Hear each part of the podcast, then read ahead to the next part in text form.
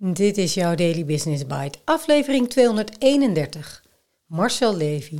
Besluiteloosheid is veel erger dan een foute beslissing. Door de redactie van businessinsider.nl. Marcel Levy pleit voor de professional in the lead als alternatief voor sterk hiërarchisch georganiseerde bedrijven. Hij benadrukt dat leiderschap niet alleen voorbehouden is aan de directie of managers, maar dat van iedereen leiderschap gevraagd kan worden met name in sectoren waar professionals domineren.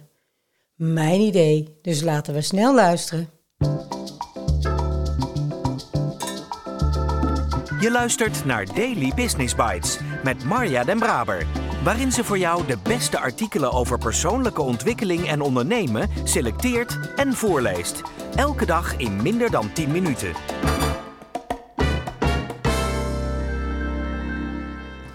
Al jaren is het bedrijfsleven doordrongen van de noodzaak om snel te kunnen inspelen op veranderingen.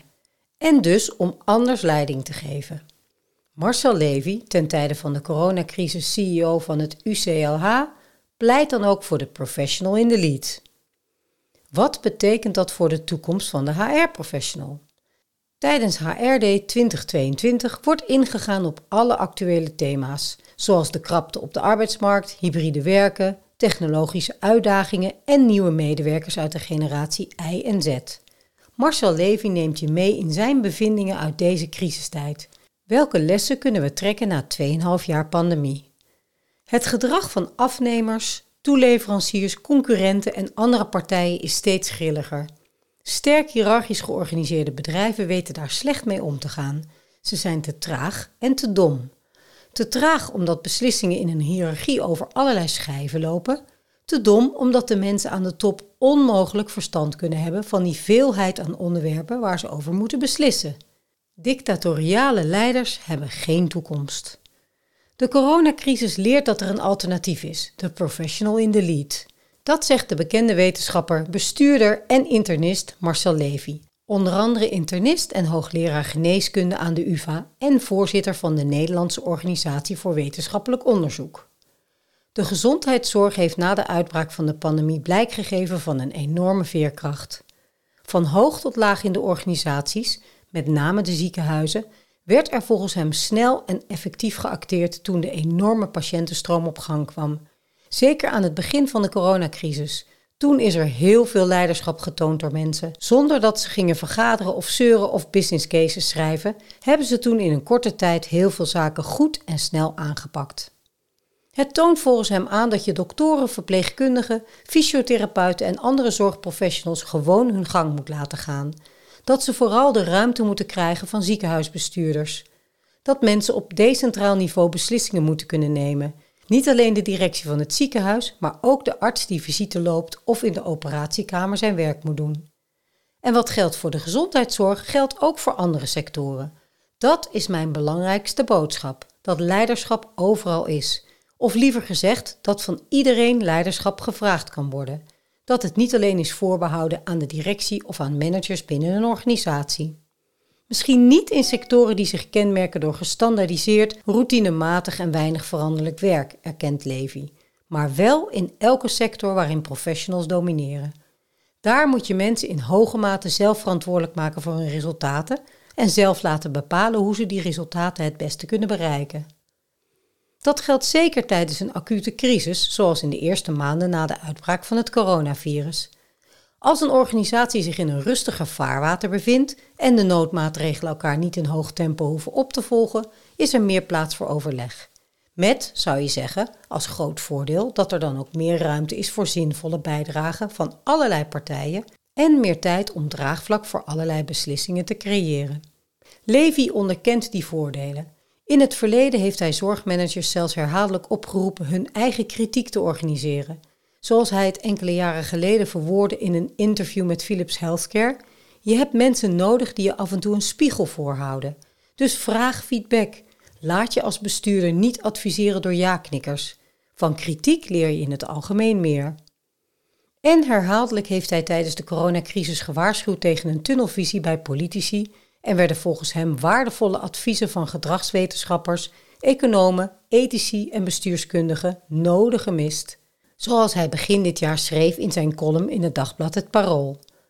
Alleen moet veelstemmigheid niet leiden tot een pandemonium.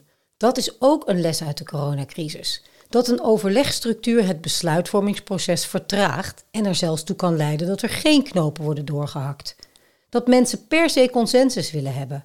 Of dat ze praten om het praten, alleen maar zenden zonder naar de ander te luisteren, of alleen maar deelnemen aan een overleg omdat het nu eenmaal moet. Ook dat ondervang je met professionals in de lead, aldus Levi.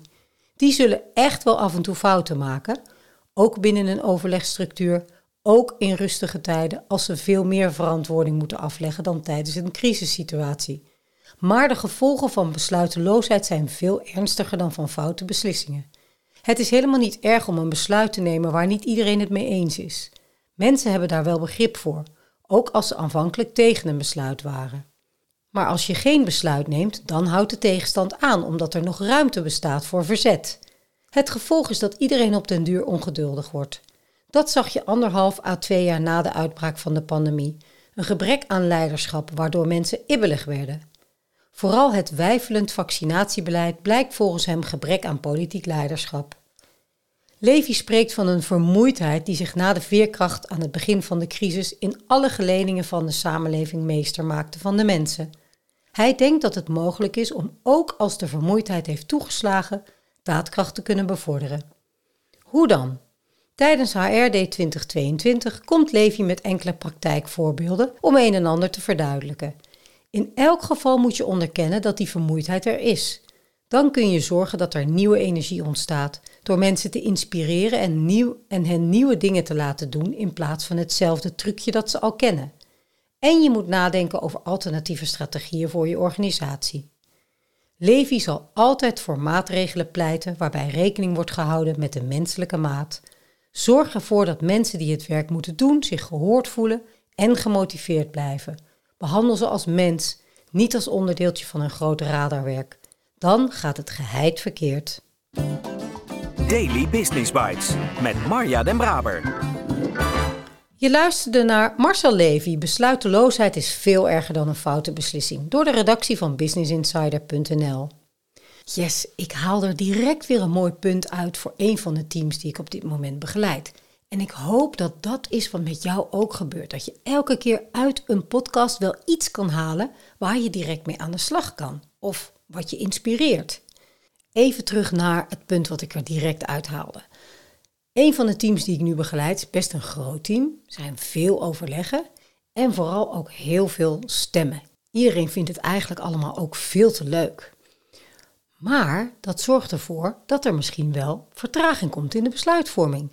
En dat is het tegenovergestelde van wat ze willen, want ze zouden liever versnellen.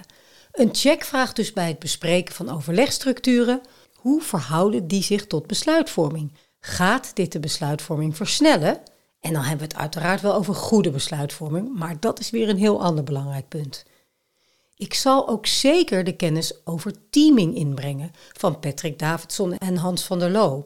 Kleine tijdelijke teams vormen rondom een gemeenschappelijke opgave.